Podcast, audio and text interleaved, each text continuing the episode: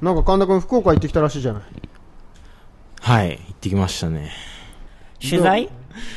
そうなんですよ、取材で、何のえっとね、ケトルっていう雑誌の取材なんですけど、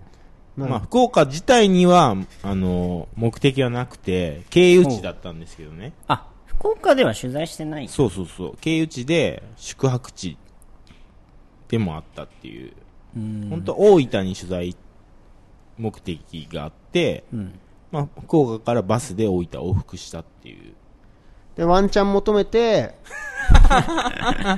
ワンチャン欲しい欲しいがゆえの福岡経由だったってことち全然違います。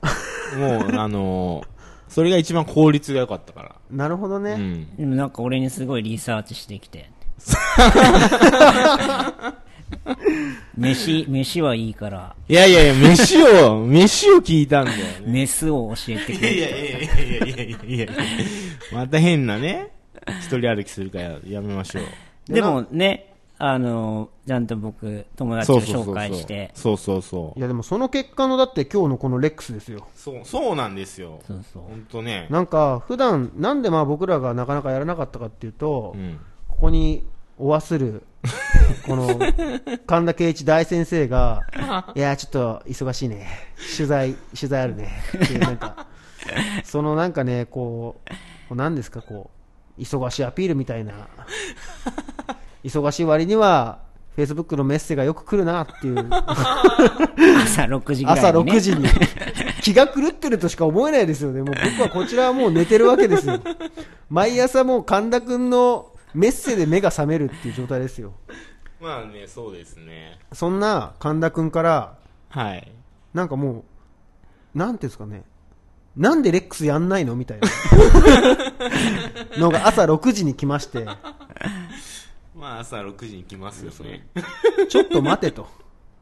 それはもうあなたのせいじゃないの かと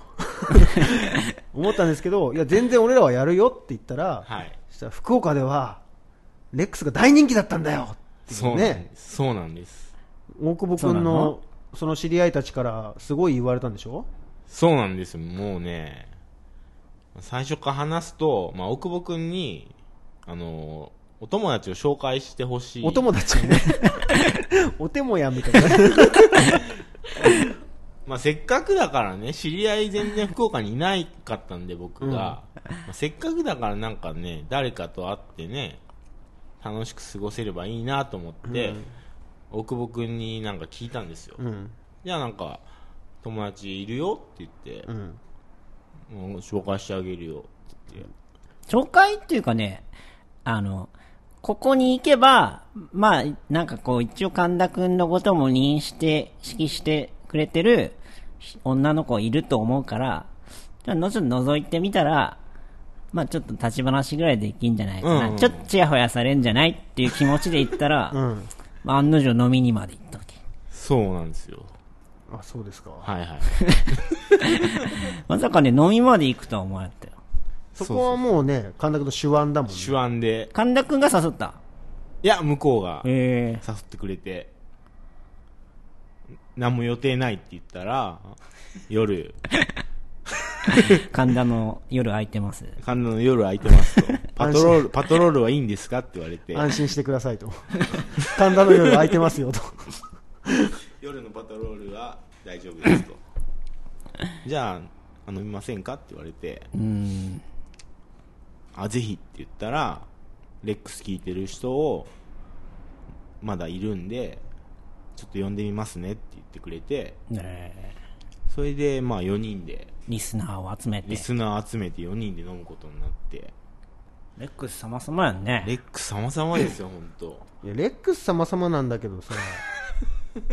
そのなんかこう神田君のこのなんていうのレックスへの感情の波なんかこうね、だって今日もだってね見返りがそうそう あった、あったからやるっていう。そう。しかもだって今日もさ、もう結構ね、1週間、2週間前ぐらいからさ、じゃあもうこの日にやろうって言ってたらさ、うん。ごめん、今日ちょっとサニーデイサービスのライブが入っちゃって、出こたの後行かなきゃいけないかもしれないんだって言い出してさ、この野郎っていうかさ、ということで、神田は、そうなんですよ。ここの後、の後、サニーデイサービスのライブに行くらしいです。いいとこで抜けますんで。はい。ごめんなさい。すいません。ちょっと今日、急遽ゲストに来てくれた、前回もゲスト、前々回ゲストの山脇さんが来てくれてるんですが、はい僕の代わりに。はい。代わりにじゃないけど。というか さ、今年、結構さ、意気込んでさ、なんかやるぞってや始めたよね。そお家入れて4人でやるって意気込ん意気込んで始めて、うん。結果今年何回やったのこれで3回目ぐらいう、そうだね。うち2回山脇さん出て出てる出てる。だって、そう前、もう大地君はいませんでしたよ。私来た時。だもどうう、ぞ。いなかったいなかった。お大地君はねじゃ、あ1回しか出てないの基本的に本当に忙しい人なんだろうね。うん。ああ多分なるほど。今回もね俺とは違って。あの、もう、福岡に帰っちゃってるんで。あ、そうなんあだ。そうそう年末ですからね。うん。そうだからなんか結果そのこれをやればやるほど、まあ、僕とあの大久保君がいかに普段暇かっていうのがまあ浮き彫りになっていくだけなんじゃないかとねいやー、でもね、あれですよ、福岡のその夜は暑かったですよ。あったかいんだからもうね、大久保くんが本当に愛されてるっていうね、のを本当実感して帰ってきました。はい。福岡自体はさ、ま、うん満喫できたの。いや、もう僕はね、あの、ケゴっていうところ、うん。赤坂駅っていうんですかね、うんうん。のところしか、ホテルも赤坂駅で、ほうほその大久保くんに教えてもらった、その、ラボううん。も赤坂駅うん。だったし飲みに入った居酒屋も赤坂駅だったんで、基本そこから動いてないであの辺りはおしゃれゾーンなんですかそうね。まあ、その天神っていう一番、まあ、なんだろう渋谷みたいなところがあうんうんうり、その隣の、なんか渋谷原宿みたいな、うん、どっちかな。うん、おしゃれゾーンしか行ってないはなんだそのドヤ感 はいやでもね福岡そんなあったかいなら僕も本当早く行かないとって感じですけどねいやもう来年ね、ちょっとなんかコーディネートしなんかてレックスの収録収録っていうか公開収録を福岡ぜひやってくれとあそう頼まれましたよそんなのでももうその二人しか来ない。もうその人の地でやろうよ。いやだってねそれだって東京で一回そういうことありましたよねそしたらその時よしじゃあレックスのオフ会だっつったらやっぱ本当客が2人とか2人ぐらい来ていただけ飲みにて行ったね。そう飲みに行ったんですよ、うんああでそもんなことすごい楽しかったし、最高だったんですけど、まあ2人だったねまあ2人だったなっていう、山木さんもポッドキャストやってるもんね。い。やってそうだよんでもう俺さ、ごめん、聞いたことないっちゃけどさ、うんど、どんな感じでやってんのでももう一人があのトゥインクルコーポレーションの安本聖肉さんって芸人さんの人で、なんかその人が割とこうかっちりと司会、司会進なるほ行どみたいな感じでコーナーとかあんのこんななんか初期作ってたんだけどこうなんかそれがなんかあんまり跳ねないなってなんかなって何も言わずにやめていった今はもうフリートーク。フリートークゲストたまに読んで話聞いたりとかあとダラダラ喋ってるだけとなるほどかね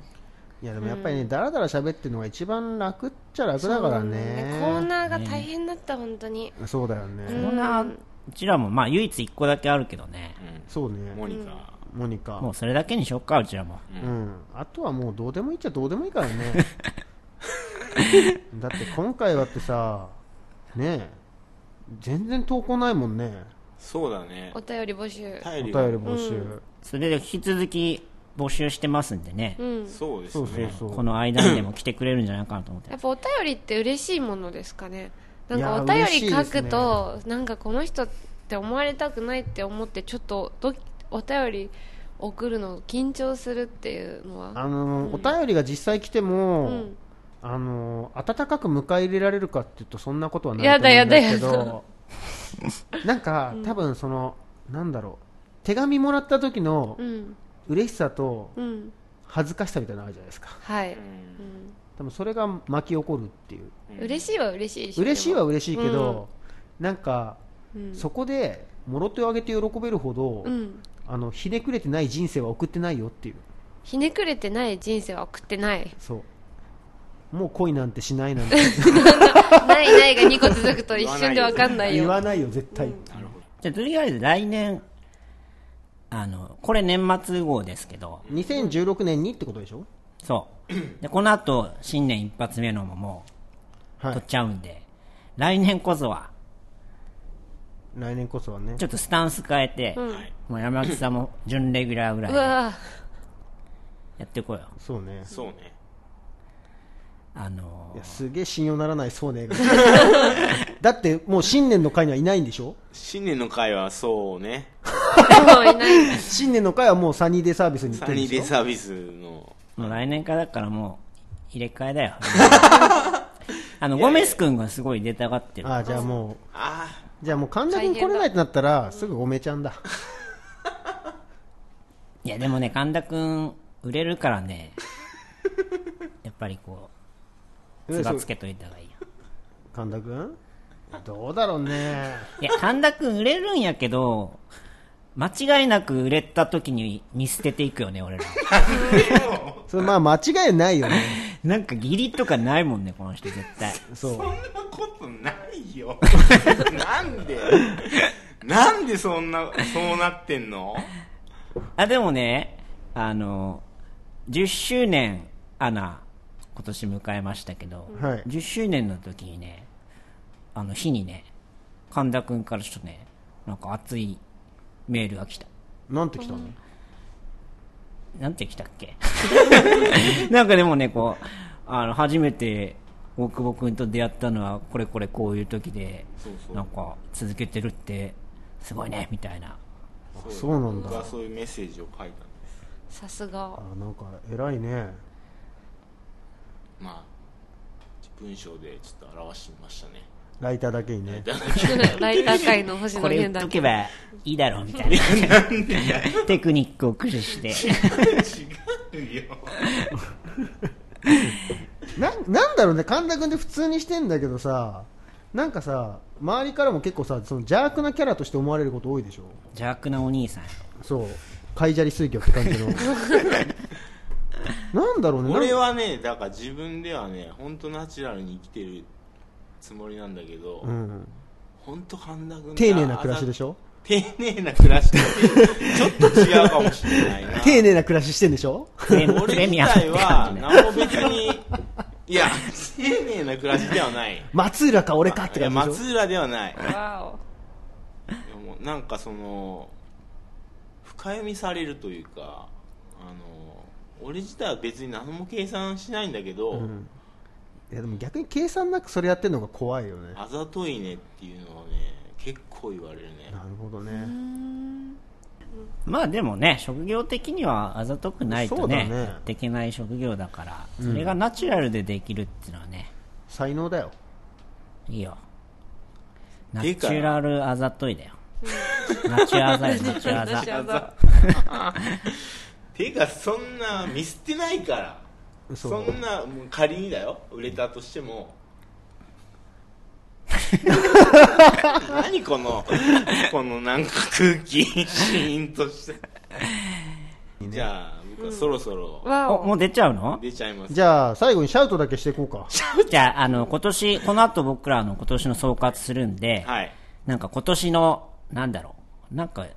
ベスト、面白かったことベスト3ベスト3面白かっ それを言ってみんなでじゃあレディオレックスを開始してた、はいはい、神田君出かけようよ面白かったことベスト、じゃあ、い1でもいいよ。ベスト1、うん面白かったこと出来事なんだろうあじゃあ、えー本、本、ね、本1冊、えー音楽、アルバム1冊、あと、映画、映画見た、映画見てないねあ映画じゃなくて。と、出来事全。然見てない出来事ねあと今年、だから、まあ、事件でもいいし、はいはいはい社会的なもんでもいいはし、いはいはいじゃあその3つを、ちょっと待ってよ。もう今思い浮かぶやつでいいよ。そうだよ、本当それがもう残ってるって証拠だから。本はあいやまずじゃあ CD は清志隆人25の「プロポーズ」っていうアルバムあねあ、アルバムアルバム好きだよね。あんな僕大好き清志隆人大好きです本はえにしようかなあれです田舎のパン屋が発見した腐る経済っていう本が面白かった本が面白かった田です舎のパン屋が発見した腐る多分経済発見しただと思う、へーなんか腐る経済っていう新書いや単ハードカバーの単行本で、うんあのーなんて言うんだろうパン屋さんの話なんあのなんかパン屋さんってーすごいマルクスの話とかが出てくるそのパン屋さんが書いた本なのそうそうそうパンあのタルマーリーっていうね今鳥取県にあるパン屋さんのね山奥でパン屋さんやってんだけどパン屋さんっていうのがもう引っかかってね、話が全然入ってくる。パン屋さんねパン屋さんねパン屋さんって大屋さんってパンパン屋さんがの話うんです、それとあと出来事ニュース出で来事ニュース、いや又吉君芥川賞にしますじゃああそうだね。うんじゃああとそんなもんそんなもんですかね知り合いの中では一番売れた人なんじゃないそうですよもう一番のもう稼ぎ大金持ちお金なん持かち普通に歴史に名前が残る人になったわけだもんねそうだねそうだね。ねえじゃあまあそんな感じではいじゃあレックスの始まりの掛け声だけいいっすかはいじゃあ、えー、アナ大久保と、センス今サチェリーのレディオレックス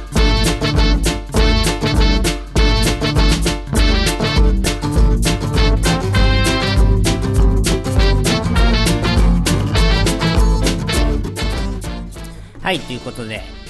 えー、もう年の瀬ですよ。いやもうすっかりだよねなんかさいつも不思議に思うんだけどさこのなんかぬるっとこの年の世感出る瞬間あるじゃないうんあのクリスマス過ぎたぐらいからさうあん。の雰囲気はなぜ作り出されるのかが俺は未だに不思議で年の瀬感そうでもこのテンションが常にあったら俺世界は平和なんじゃないかと思ってああでもそれはあるかもるでしょなんかもう今年も終わるしっしていっうていう気持ちは穏やかだよそうだよねうん、なんかああ、大事なことは年明けてからやるからそうそうそうそう年内はなんかぼやっとなんかみんなこうさ仕事とかしてる人とかもさ、うんなんかこうなんかやってる感あるんだけどさ、うんその実別に何もやってないっていうかさなんかふわっとふわっとしてるうんでもそれ日本のね、日本だけらしいよ。このそうふこわっとのするのなんか年末正月とか、あのーなんだろうお盆とかさ、うんなんかこう静かに過ごすやんどっちかっていうとあーうん家に帰ってとか他の国は基本その騒ぐうんそこに向けてこう騒ぎ出す国やからああもうじゃあもう楽しくてしょうがないみたいな気持ちになってくるってこと、そういうとこがねなんか日本独特でねいいと思う、そういう日本が好きだな俺そうそうですかそうですかいやでもなんかこれがねやっぱね世界平和のね、秘密なんじゃないかと俺は思ってるわけよかあらそんなそんなところに神田とバトンタッチして神田君が今サニーデイサービスを見に行ったっていうのにそうですか。じゃあ、ぼ僕は心が晴れてます。大家くんが大家くんが来てくれましどうたも元気な親です。 そんなね、マイク近づかんで大丈夫。俺分かんなかった。 これでいいマイクとの距離感あが。どうも。年末で、はいちょっと、 神田くんらしき人が遠くにいた気がしたんですが、それ違った。多分、ピーコート着てましたね、きっとね。なんか不思議なコートだったよね紺のコートは着てた確かに紺のコートですね。紺のコートだ。コンコート。コンコートっていうね、そう、コンコルド感があったということで、来ましたね。ちょっと遅ればせながら。結構もうやってるんですね。いや今はもう、まあね、オープニングトークが終わったぐらいなの。あ、そう、そうなんだ。ほぼそっかスタートですわかりました。ちなみに今年どうでしたまあ今年振り返りましょう。せっかくなんで。監督はもう何もしていかなかった感じなの。神田君は最初のオープニングトークで福岡の良さを伝えて帰って、あ、じゃあもういいんですね。神田くんの今年の一番の出来事は、あのー、又吉さんが芥川賞を取あ、っそたう。か、そういうやつだ。そういうアカデミックなバックグラウンド僕ないんですけど大丈夫ですか大丈夫大丈夫ですか大丈夫です。はい今年はじゃあどうでした結構さ、潜水マサチェリーと、んまあ俺とかはなんかね意外とでっかい年だったよねでっかい年っちゃでっかい年だけど、ターニングポイントじゃねあらって思ったよどうだろうね。俺は今、会社を辞めて独立したりとか、でもそれぐらいじゃないそんなものは俺にとってでか くねえと全いやで然もままだあまだで行かくいぞはとでかいけど、なんかその性格上そういうのがなんかこうでっかいトピトピックとして入ってこないのよああかっこいいねなんかそれよりはなんかこうなんて言うんだろうおもし珍事件とかの方がやっぱトピックとして入ってきやすくて、だから結構年末にドドドってそういう珍事件がいっぱい起きたので、なんかそういうのがやっぱりねトピックとしては大きかった例えば俺はこの間ね、うん大体ここのとこ、ここ1、2ヶ月ぐらいは、この大久保君、親君っていう、この、地になる人たちと、うん週末をね、こうイベントに行ったりして遊んでるわけですよ。珍しい人たちとね チンしとそう、地になる人たちとね。なんだけど、それこそ例えばなんか、あのー DJ さんがうん、たまたま、あの、お酒をかけたら、大久保君が酔っ払いすぎて、お酒のモノマネしながらお酒をマイクで歌うと か、とか、えこの間ねー、自分クでラも覚ブえてないっていうでそう単純に遊び行っただけなんよね僕らお前ツーンって言ってる大久保君を見たりとかそんなの見たことないそうもう覚えてない想像つかないでもその時もう俺もう爆笑ですよ この人超気持ちよさそうに歌ってんなと思ってパッて横見たら大家君があのすげえ質の悪そうな焼酎の一周一生瓶持ちながら「ダメダメダメダメダメダメ」って言いながらなんかすげえ若手のミュージシャンとかにやべえやつや無駄な振る舞い酒してあれ明らかにさこガツンって言ってたっぽくてさ多分人によっては前歯負傷してるやついるんじゃないかっていうのを押し付けてる感じしてやばいやばいと思ってそう逃げるように帰ったけどとか、なんかその辺の方が俺の方の中ではでかくなっちゃうんですよ独立したことよりしたことよりも普通の状態が人から見たらでかそうだけど自分的には普通だからわかん普通だからもうそんなに感じないんだそうけかどまあでもそうね独立するべくしてしたって感じやもんねそうねなんかもうその自分で独立するぞって感じでもないしなんかその状況によって独立した感じはあるからなんかまあそういうもんかなっていうぐらいに思っててでもなんか大家君とか大久保君のそのなんかわけわかんない時の方がなんか今年のトピックって言った時にバンって出てくる感じはでも本当ねこう年末にかけてこの12か月はそうなん毎です週よ末のようになんかそれあこでもそそうだ多分さやっぱ忙しかったからさ前半遊んでる記憶ないんだだからやっぱそうなんだよそのあそうなのか潜水な君かもね俺はね、まあ、大久保君はほら合ってんだろうけど俺も後半に来て急になんか会うようになったなっていう印象が前半はねでもなんかね制作いろいろしてましたねあそっか,、うんそっかトラック作っなたりんとかやかんやとその音楽的なトピックを言うと僕は前半はえーっとなんだっけあれですよミラノ万博の音楽を作ったりとかですねああおとはね鈴木ハスラああなんかそういうの曲 CM 作ったり CM とだ系をか結構やってたよねそうそうそうそう企業ものをねそうあとトロピココっていうあの森永さんの商品の歌を作ったりとかううんなんかそういうのがちょこちょこ前半に固まってたので結構その週末はそれもうがっつりやんなきゃみたいな感じだったんだけどでもパッて気づいたらもう大家君が競馬場に通ってるおっさんみたいになってるわけ ですよ俺は最近人にも会ってないとか言ってん今年はでももねあのー彼女とかには言ってないけどね月に23回ねスロット打ちに行ったりしてそうそうである時に自分の iPad の iPad っていうかまあ YouTube のアカウントにそういう CM が来だしたのよ、そのあーで何やってんだってバレてダメ押しは500円払うよって言った時にメダル出しちゃってそれでもうすごい喧嘩になって喧嘩っていうかもうていろいろ一方的に違うんだと、竹内力が来店してたから見たかったんだとかそういうことを言って嘘をついてね、嘘ついて本当来てたんだけどのろかよとかあのノッチが来てたとかさうん、それを見たくてただ行くのもなんだからとりあえずちょっとじ来るまでの間打ってたんだとか言ってたら もうダメだっつってだからもう今完全包囲網が貼られました貼かられましたねそう、うんなんか、そんなね別にすげえ言ってるわけじゃないのにで負けてるわけでもないしさ勝ってもないんだけどあれ、やめてほしいよね。んあの、調べたものが、広そう告で出てくる。広告出てくるのそう自分の今のさで見たらさその彼女のやつはさなんかチアシードとか言ってさなんかあの、チアシードブツとブかツね。何かの実とかさそういうなんか 美容行ってんのかとかうん、いやちょっと俺はそっちのなんかああいう純長谷川理恵的なラインをやめた方がいいと思うよって思ってんだけど 美魔女になっていくんじゃないかみたいなそっちは多分先細りのラインだからやめた方がいいと思ってんだけど言えないじゃないそうね。っていう1年だったのでも日々の攻防はそれがメインだそうまだまあ俺個人はでもそういう感じだったので、まあ、後半の思い出で全部書き消されたんですよねそれこそ今週末先週末かにあれですよ「電気グルーヴ・ザ・ムービー」をあ行ってきたんですけどこの3人行 あそっか、ってきたんですけど、まあ、それでもまあやられてねやられた、うんなんかね、そう、うんみ見てないよね見てないよ電気グルーヴとかって、ある重要じゃないあないそうなんそんなにないよ、いやすごかったよねうちらはね、やっぱこう、やっぱりこう、青春、中学、高校の頃のこう、なんだろうね、トラウマみたいなのってやっぱでトかいラよウマね。だよねあれいやすごかったあれはね見てよかったなと思いましたよ、結構俺、その、あのテンションで、なんか、今も来とうもんね。そうなんだ、なんだら、あれ、昨日の話っけ一昨日一昨日か一昨日だそうだ。ずっと見て、そっからなんかもう、久々に曲作り始めて、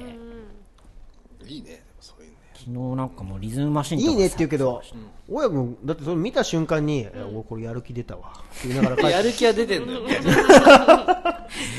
言ってたよね。俺だ言ってたよね俺でもねビタミン全部聞いたよ 昨日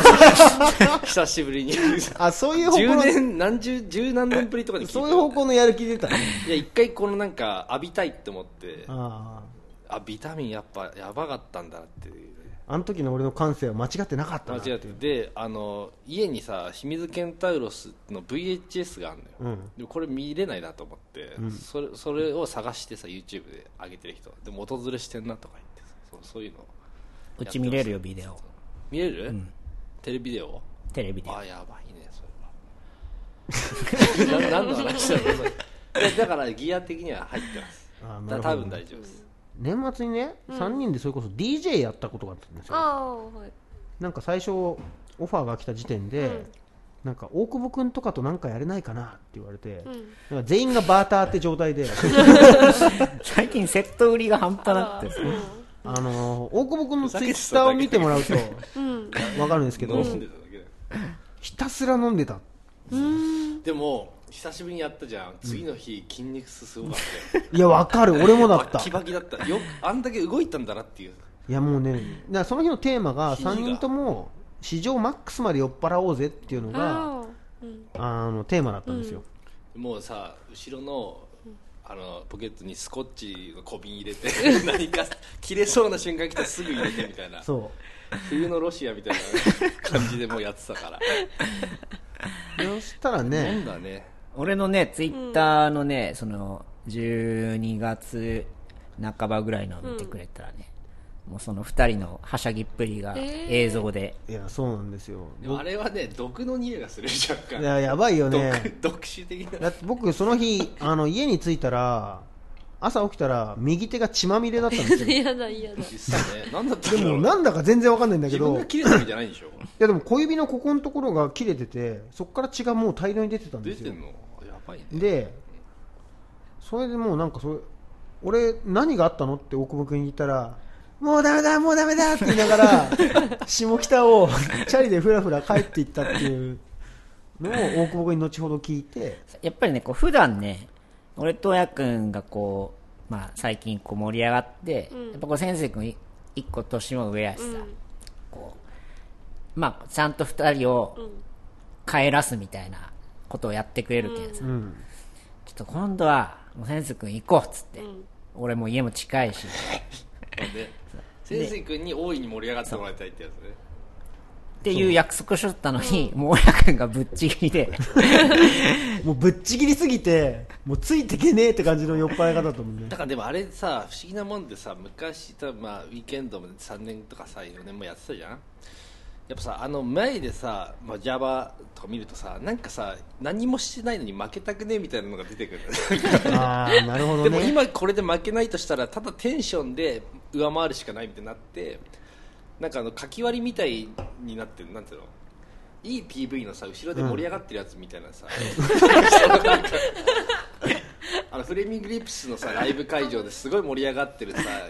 やつとかああいうのになっててさ、なるほどね。とりあえず印象だけつけて帰るみたいな芸人みたいな精神になってきてさちなみにその、あの、ジャバザハットフットボールクラブっていう、あの、ラップユニットがあって、それ僕が一曲提供してるんですよ。あのね、ウィークエンドとかに、まあ、なんだろう、影響をなんか受けて、受けた若いね、ヒへーップホップの子たちで。でも今、東京だとね、だいぶこ多う。分もうトップ3に入るぐらいのライブ若は手いいでと思う来てるうん、よくなってしかも、その、ヒップホップシーンにいながら、あの、ヨギーニューウェーブとか、あの、なんだ、東京のそのインディーシーンともすごい絡みがあってね。もうおじさんたち、ついていっちゃうって感じも。いやでももう、だなっんかて、ちょうどないって感じでそね、の後にちょっとさ、その、みんなに会った時にさ、ごめんねって言っちゃったもんね。あ そううちのモニカがごめんねって。さまあでもね一人だけねロックオンしてるメンバーがいるからあの子の道から行けば大丈夫だと 思う他の3人にちょっと軽減に思われても一人だけ多分心は掴んでるから大丈夫ですっていうでも、年明けもね、また一緒よね。そうね。多分わかんないけど多分そうだと思う、うんまなあの、でそのジャバザハットフットボールクラブに、あの、Do What You Want っていう曲をね、あの、君は意味不明っていう曲を提供したので、で、まあ歌も先生く全歌っ部て。ラライブやってたもんね、そうまあ今年の大きいトピックはそれでまあ僕は終わりですかね。ちなみに、どうだったんですか大家君は。あ俺はねほぼ無風みたいな なんかね本当にね何もやってないのよほぼ弾き語りをやってたよね、でも。でもあれ、まあ、あれ去年からやってたけどね、弾き語りはね、まあね、これ見てくれる人、聞いてる人で見た人いないと思うんだけど、いないね。だって一回言ったら俺 俺だけだったも俺んらしか見てないからね、あれ。そうそう多分ね、ギターが確かに下手にはなんなかったっていう良さはあるんだけど、やっててね、こうね、これ暗い話していいんだっけいいよ。いいそうなんかやっててやりながらなんか弾き語りってえなんか音楽的な何かあんのかなって思いながらや ってたなんつうのなんかもうそれ邪邪神邪念的ななんつうのわかるこの感100%でいけない感じね。そうなんか元気でやってますよみたいな効果しかないのかなみたいな思っちゃった時があってもやくんの難しいとこはさ、お客さんがさ、なんか、なんだろうね、求められてるもんが違うもんね。なんかねもっとプロレスラーみたいなのハをプ求めニらンれたグもんねマッチ感はあるそうそうそう。そうそうなんか、ただそれに答えようとするとだ、まあ、大体滑るっていう かそのハプニングを自分が用意すると、まあ、いいことないわけまあね。やるんだったらしっかり見せたいもん見せなきゃって、まあ、要は普通のことや普通にさやんなきゃダメじゃんだからちょっとこれそっち側に振るんだったらもっと本当に真剣にやんなきゃいけないんだなと思った時になんかやる気なくなったんだよなん かなんかでも、大家君の弾き語りは、まあ、僕、多分この中で一番見てると思うんですけど、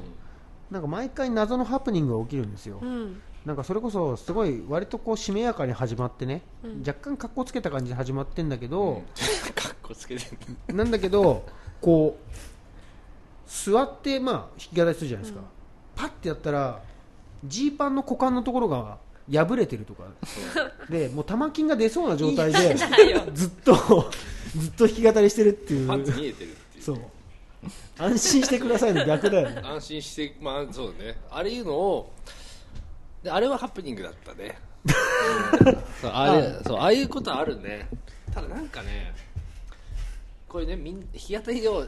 真剣にやってきていっぱいいるじゃない、うん。いるんだけど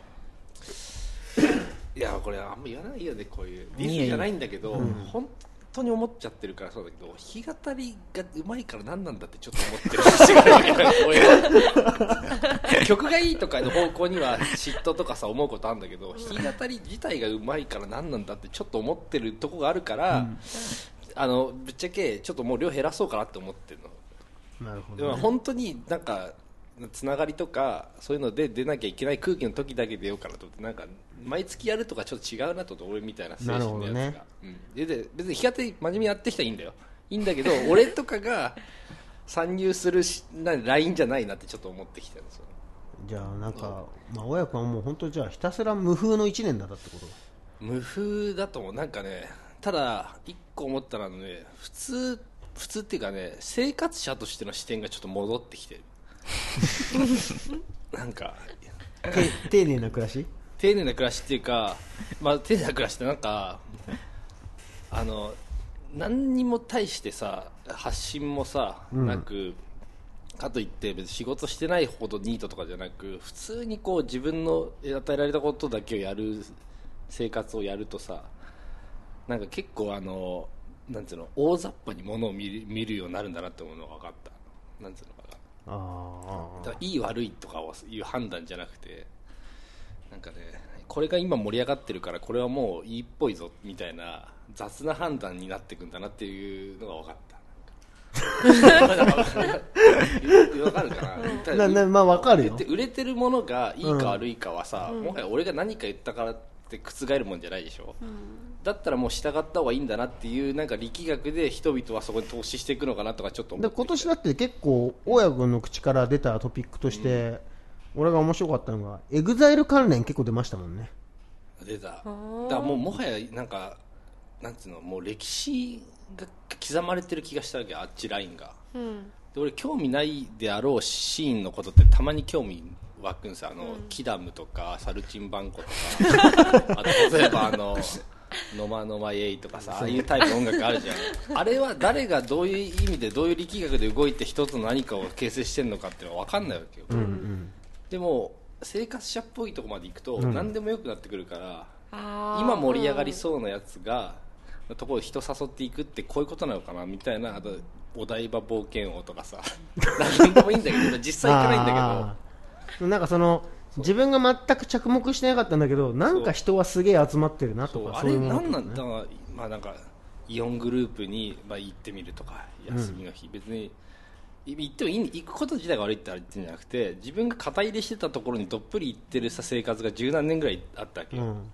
でもそこから一回離れるとただの生活者なんだなっていうのが、ね、分かってねあこれはちょっともう自分の主義とかを自分から守りに行かないともうブレるブレなんだなって、まあ、流行りに乗る意味も分かんないみたいな。で下手したら、だからなんか来年のヘビロテが、もう本当エグザイルとかって話もあエるグザイル全然あるねなんかあの今日の TBS ラジオでかかった曲をダウンロードするとかありえんだなと思ってなんかそれが悪いことでもないのかなと思ってまあなんかそれっぽく語ってくれましたけど、本当クソみたいな1年だったってことですそうですただ一つだけ言ってください金は払ってないですそういうものに、まだね最後の抵抗はした、まだ課 金課金はしてないぞ課金はしてないとりあえずはとりあえずしてないからなるほどね。あの自分の財産は使ってないからじゃあもう来年はあれだな。モニザイルの自由形にしよう。ミサイルの自由がするモニザイルやる、いい声、いい 声頑張る。いい声で。伸三代び目のある声とか。三代目モニザイルで。三代目ね。ちょっと君に夢中やって。君に夢中。 あれなんだあれいいんだよな。いいんだけど。なんかわかんないんだねよなだからあれもだって語ろうとすれば語れるもんね。その例えばさ、いやでも YMO のさ、そういうことでしょとかさ、そういうのを引っ張り出してさ、ああだこうだってさ俺。今でももう今の距離感よ多分これ以上いくと好きになるかすごい嫌なやつだなって思うかどっちかだとなるほどね。友達にはなりたくないとか思いつつもあっち行ったら何かのうまみがあるのも分かるんだけどなるほどね。かといっていける自分ってことはこのままじゃいけないじゃん姿形を変えなきゃいけないかまあね。でもそれ考えるとさ、まあ世の中的にはエグザイルに寄っていってるよね、それ。らそうだよねだってあのライザップとかもさ、うんあれもう完全にそのエグザイルの方の文化じそゃうんだだねあれ痩せたからいいとか言うってもう生島博士があっちに取り込まれたわけでしょあのボディバランスで痩せたくないよね 基本的になんかすごい筋肉でだって生島ひろしがだってもうだからある種エグザイル的な文化にもう巻き込まれてるわけじゃん組まれたのか、巨大だねじゃあいやあれはやばいと思うんだよなそうかそんな親子が1年だったと、 1年ですちなみにじゃあゲストの山脇さんははい今年1年どうでしたか、今年1年今その話が出てきて言うか言わないか迷ったんだけど私はでも3代目 j s o u l b r o t h e r s のアルバム買っちゃったん だよ行きました課金し買たっちゃ DVD ついてるやつ買っちゃったんですよ山本さんだってね、あの、ハイキューとかも好きですそね。うそうそう、あーまあ、そうまかたそうかハイキューとエグザイルまた違いま すけど全然別物だけどついついあの配給配給配給漫画配給ああのバレーボールの漫画あが本当に好きでそうそう買ったそりれとか結構買う時うんカットゼロで行きましたパッて行きましたでも私あの夫がいるからあそうかそうか夫はどちらかというとあの田舎のカラオケ文化で育ってきてるから歌えるものを買うっていう精神で時々あの地元のカラオケで EXILE 歌ってきたっていう歴史を隠し持ってて なんかそれはそれでそれが私がちょっと「紅白」を見てあの人たちなんだろうって言った時にいろいろ実はねと教えてくれてそれで、まあ、夫が先行して買ってくれるという形でそれそれって何じゃあちょっと聞きたいなみたいなこの曲は好きだから言ってくれるみたいな感じですかアルバムみたいなんかこの人ただんだん見てたら愛着が湧いてきたその人たちにそ好きなメンバーとかいいのうまあ一応なあいるんだ言うけじどゃあちゃんとしたやつだでもだんだんそうしてると若手がいるんですよねああいうグループうんのうまみ商法でだから三代目 j s o u l b r o t h e r s より今はジェネレーションズっていう人たちの方があ私はう好ちらのライバルよ。ジきェジェネレーションズレックスだから。 AKB を個別に見ていくとみたいなことと一緒なの、あそうだと思うだから売れてるのはあの人たちだけどだんだんこっちの売れちょっとまだこれからの人まあ、たち、ジャニーズとかも一緒だもんねそう興味が湧いてくるっていう感じですだもうだからそうグルいーうプの層でね見てんだ、そういうことが起きるってことはもう、うんなんか俺たちも後輩作っとかなきゃもうダメだってことだよねでもそう集団が好きなんだよね女の子っあそてっかそうだよね多分ねだから EXILE 人数多すぎてわけわかんないってみんな揶揄するけど多くてわけわかんないのが好きなのあいいなそうだようね、んそのラインが見えるのが好きなんでしょなんかあのあそことあそこは仲良くてとかとかでしょうんあそこは同期でライバルでとかそれだよ、俺ら。そうだよ、うんマジで45人しかいないすぐ大丈夫こっから掘ってく俺らのはでもあれだよね。そのエグザイルとかはやっぱ、トップが、トップが圧倒的やん。うんヒロ広さっていうかまああ、ーヒロがいて、エグザイルがいて、まあそれを慕ってる人たちっていうことそでしうトライブっていうのトライブだ、トライブ EXILE トライブっていうかょ。ジェネレーションレックスもね。そうねレックストライブ作っていくトライブでをねだって今んとこここに大内君とごめちゃんが入るだ けでしょ5人とか下が、明日がいいジャあバそうかジャバジャバは入ってジャなバいでものうジかャバは全然入ってないでしょー。えだから、入れるんでしょこっちが勝手に、あでも軍団作るっていうのあるよね軍団呼びしちゃうっていうあれとかいるじゃない、あ誰の、オーサムシティクラブの。松坂君、松田君のみでしょ多分そうだ 松坂君はだっディスカニの方のて匂いでしょだってあんなに言ったのにあれだよまだねレックス聞いてますよって言ってくれたからね本当聞いてんのか このな間ライブにね、来てくれて、親くんが必死に、俺はゲストで入れんのかって話をしちゃったよね。俺はゲストなんかそこは最後のなんかプライドが 俺をゲストで入れてくれる LINE はまだ残ってんのかっていうのを問い詰めたんだけどなさそうだねなんかそうねそうですよなるほどねでもなんかその他はどんな1年だったのその他はでもなんか5月に大久保君に子供ミュージカルに曲を作ってもあらあったそうか、それも今年かそうそうああそそううかにしてなんか大久保君との仲良くなった気今がして年る仲良くなってうんね。なんか今までそっかなんか俺はもうずっと仲いいもんだと思ってたけどそんなことなかっそうたなの仲いいね、うんふりをしてた。そうでもなかっ たかなあんまり喋ったことなかったそういうそっのかそんな感じやん顔見ちょくちょく喋るよねでもなんか山脇さん俺も今年なんかちょこちょこようやく舞台とかを見に行かせてもらってたけうんうんあどそうそうそれもありがとうなんかコンスタンスにずっと舞台をやったりとか、はい公演があったりとかしてましたよね、そう忙しかったです後半あーめちゃめちゃ忙しかったですこの間もね、つい先々週ぐらいね、ん見に行ったよね。ウディアレン、僕の大好きなウディアレンそのうそう舞台。舞台が多くなってきてヘトヘト私なんか本当にこんなことはここでこういうことじゃないかもしれないけど最終目標が U なのあああなるほどだかねらコントとか出てるのもあのだから今ちょうどいい感じでそのラインでコントとか出てるのはゴッツ出てた時の U さんだと思って出てるなるほどねなるほどねでも今年はじゃあ大きくそこに一歩近づいた年だったんじゃないですかそうですあ。ねいいうね。んうん、ユ、う、の立ち位置欲しいもんね、うんジェネレーションレックス。そそうだこねあとはもうノースリーブでコート着るだけでもまあ今年はでも大躍進の1年だったんじゃないか割なと頑張りました本当に結構毎月とは言わないけど3ヶ月に1回ぐらいは山本さんの舞台を見てた気がするのでそうですね割と頑張った年でしたそんな頑張った山脇さんを、次本丸ですよ僕、僕はね、あのー、今年だからリリースさえしてないけども、結構こ個人的には大きい年で、ね。だってそれこそ10周年とかあったじゃそう、まあ、トピックとしては10周年で、まあでもそれも10月だから、10月でデビューちょうど10周年で、まあ年末ちょいちょいちょいと、まあそのツアーとまでは言わんけども、アコースティックのライブやって、で、まあ、さあの前半はそのねやさっき言ってた山脇さんのあれだミュージカルミだュージカルミュージカルやって、あれがほとんど前半のもうメイントピックやなんでもなんかあれ曲すごいよっよかったよだよねねとっなてかもなかねそのアウトトプットする場所が、もう当日会場にいた人しかいないからさ、なかなか伝えづらいけどねでもなんか結構あの舞台とかの音楽やるのはさすごいそうねこう数年の目標やったけんさ、でしかもそれをなんかね子供の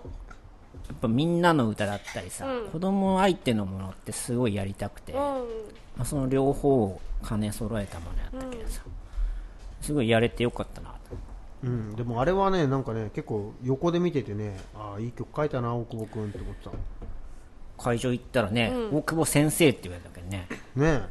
えなんかもうあれ犯罪の匂いしかしなかったもん 子供たちに囲まれて不思議おじさんが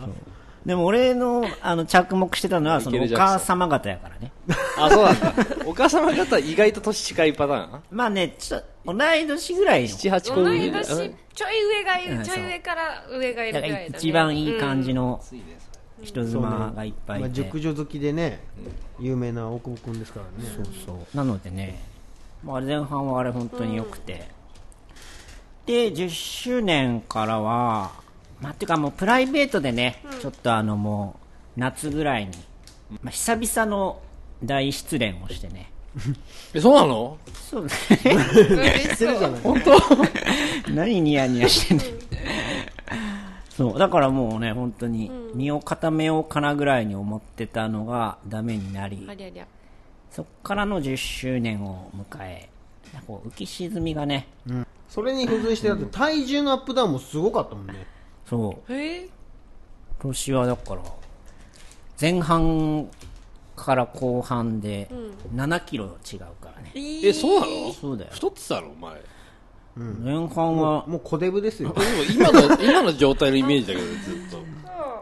と。いやいや、一回太ったってことまあお腹が減ったっていうのかな。あ、そう、そういうこといやでも顔もちっちゃくなったよ元に戻ったあこの人こういう顔だったわって思ったなんかあ、じゃあ俺その前半はあんま見てないかもしれない、じゃあ。そう。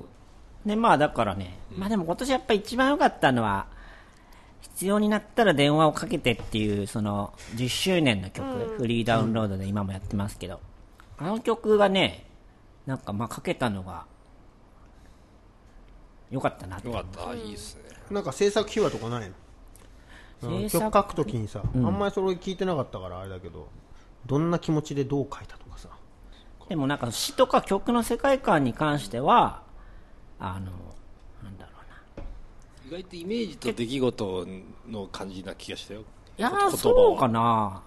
あのなんかちょっと曲のなんていうのあのサイズ感っていうかさ、あの昔みたいにこう、まあ、昔もすげえちゃんとしてるわけじゃないあけどーなんかさ言葉のダイレクトさ的な部分がポさップスには寄せたけそうそうどなんかねでもなんかね歌ってる世界観とか、なんだろう曲調とかは結構ちょっと別もう一段階別のとこ行った感じいやする戻った感じ戻った感じなんだ、そうななんだんかあなんかこれぞアナっていうようなおー感じになるんじゃないかなと思って出したら、結構感想がみんなやっぱりそのあすっげえアナらしい曲やねっていう穴らしいね素晴らしいなアナらしいアナルを見るっていうアナアナル C アねナル C ウルトラ C 的な一番高い位置まで持ってたわけだそう、でもなんか本当に、なんだろうね、昔っぽいとかいう感想じゃなく、その、イメージとでか出来事、イメージと出来事とかさ、やっぱりこう、なんだろう、私はダメだ、苦手だとか、やっぱり前の穴がいいとか、いう人もいっぱいおるんやけどさ。でもなんかあん中から、やっぱり大久保っぽいよね、とか、詩の世界観とか、こう、わかる人はわ分かってくれるとかやったんやけど、その必要になったら電話をかけてはまあなんかその最近の人もやしなんかね両方なんか認めてくれた感じかないいねそうなるほどねあの曲がまあかけたのが今年リリースとしては1本やけどよかったし多分まだねあの届いてないとこがいっぱいあるんでねそれじゃ聞いてもらいまし ょうこの後ちょっとねちょう どねその後かけたいですよ、まあフリーでやってるんでちなみに総括は他にないのなんか総括はでも本当それがまああとその仕事をコピーライターので、の仕事やってて、それでまあ一個こう全国的なあの朝日ビールのコピーをかけてで結構ねあの地元とかでも至るとこ、まあ全国初めて全国区の仕事やってなんか親親とかさコピーライターってな何なのかよく分かってないけどさ会社でコピーを取らされてるのかと思ったぐ らいやけどさコピーを取ってあれでしょ先輩がこうタバコを加えた瞬間にライター はあって感じやったから、一応こうこういうの書いてんだよって送ったら、あスーパーにあったっつってあそういうのも良かったかな。まあ、あとはでも意外、と潜水君もとかもね、言ったけど、やっぱこの、ていうかここにね、おるみんながこう、なんかこの1、2ヶ月ですごいこ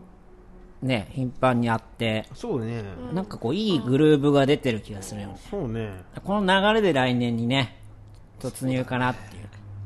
そうだね予定では年越しもね、一年緒越しにもする。そうですもう我が家でまたそうです潜水くんちで餅つきですねー餅つきすんのいや大家 君大家君が格闘が今年ね久しぶりにね年末に復活そうする一と応復活するんですけど家にテレビがないので先生くん家行かないと一人で桃太郎とかね、自由空間とか行って見る寂しい年越しになりそうだったの個で室ビ 個室ビデオで個ね室ビデオで見ることになった のでいいうちで見ていいよって言って、天使のささぎがあったので、ちょっとここで見ようかなと先生くんは多分格闘技全く興味ないんだろうけどで、まあ、うちの弟が格闘結構入ってるので、まあ、でも年末、その、マサトと、きっと、まあ、あれはねちょっとちょっと番組っぽいやつなんだけどねあのあれじゃないのみんなあれあれもあれも見るんだけどあれあれは、まあ、ある大会の1個なんだけどもう1個のね雷神っていうのがあるんだよ別のチャンネル別のフジテレビであのまさまさとの方は TBS なんだけどあのそうなんだまあまあいろいろねあるんだよマサトの方はあの僕が作った音楽が CM で流れますよ本当そうそうマジでもう流れてるのじゃあ今多分あ源内製薬さんそうそうそうあそうなんだそこがスポンサーしてるからそれは何じゃあみんなチェックしとけよっていうことでねそうだねまあえじゃあもうどっかで CM 見て流れてたら流れてるってことあそのい日やだけって別ことにそのその番組の曲じゃなくて、そのスポンサーあその間に入るしてる CM とかにってことかそう会社の曲を作ってるそれじゃあ聞いてくださいまさとまあでももうね来年はあれですよ、ちょっと、ズブズブでいきましょそうですねう。この流れで。神田くんもいなくなったし。神田君は本当にねまさか俺たちを置いてサニーデイサービスにふらりと行くとはねサニーデイサービスはやっぱ見たいんだろうねいやでも俺別に見たくないけどなまあなんかいやまあどうなんだろうね俺も消える好きだったけど確かに見たいって思わないね今でしょでもいやなんかそこでやってくれるなら見たい よね超上からだけどなんかその なんつうの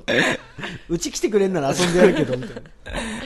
今週末さ君んとこの働いてるとこの最寄り駅でやるからとか言ったら行こうかなみたいなのある けどなるほどねなんでだろうねでもあるかやっぱああいう人はちょっと違うもんね神田が思い入れがね、そうかじゃあ、ということキーで、ボーイだからな、はいあのーさっきは言ったけども、アナのその今年そうね出した曲を聴いてもらっていいですかね。ああぜひぜひじゃこれまだフリーダウンロードはやってらっしゃるんですかあ、ねもうずっと、あの、10周年の感謝を込めた曲なんで、ちょっとでもなんか、アナにお世話してやったなって人はぜひぜひ。じゃあ聴いてください。えー、アナ、デビュー10周年記念ソングで、必要になったら電話をかけて。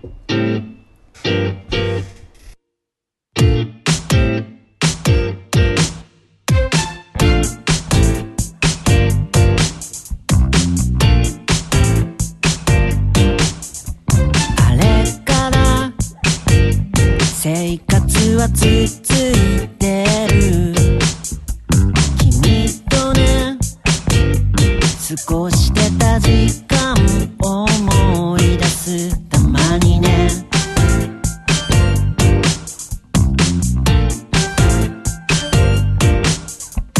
だんだんと薄っぺらくなってくねメモリーは増えてカバンは軽くなったけど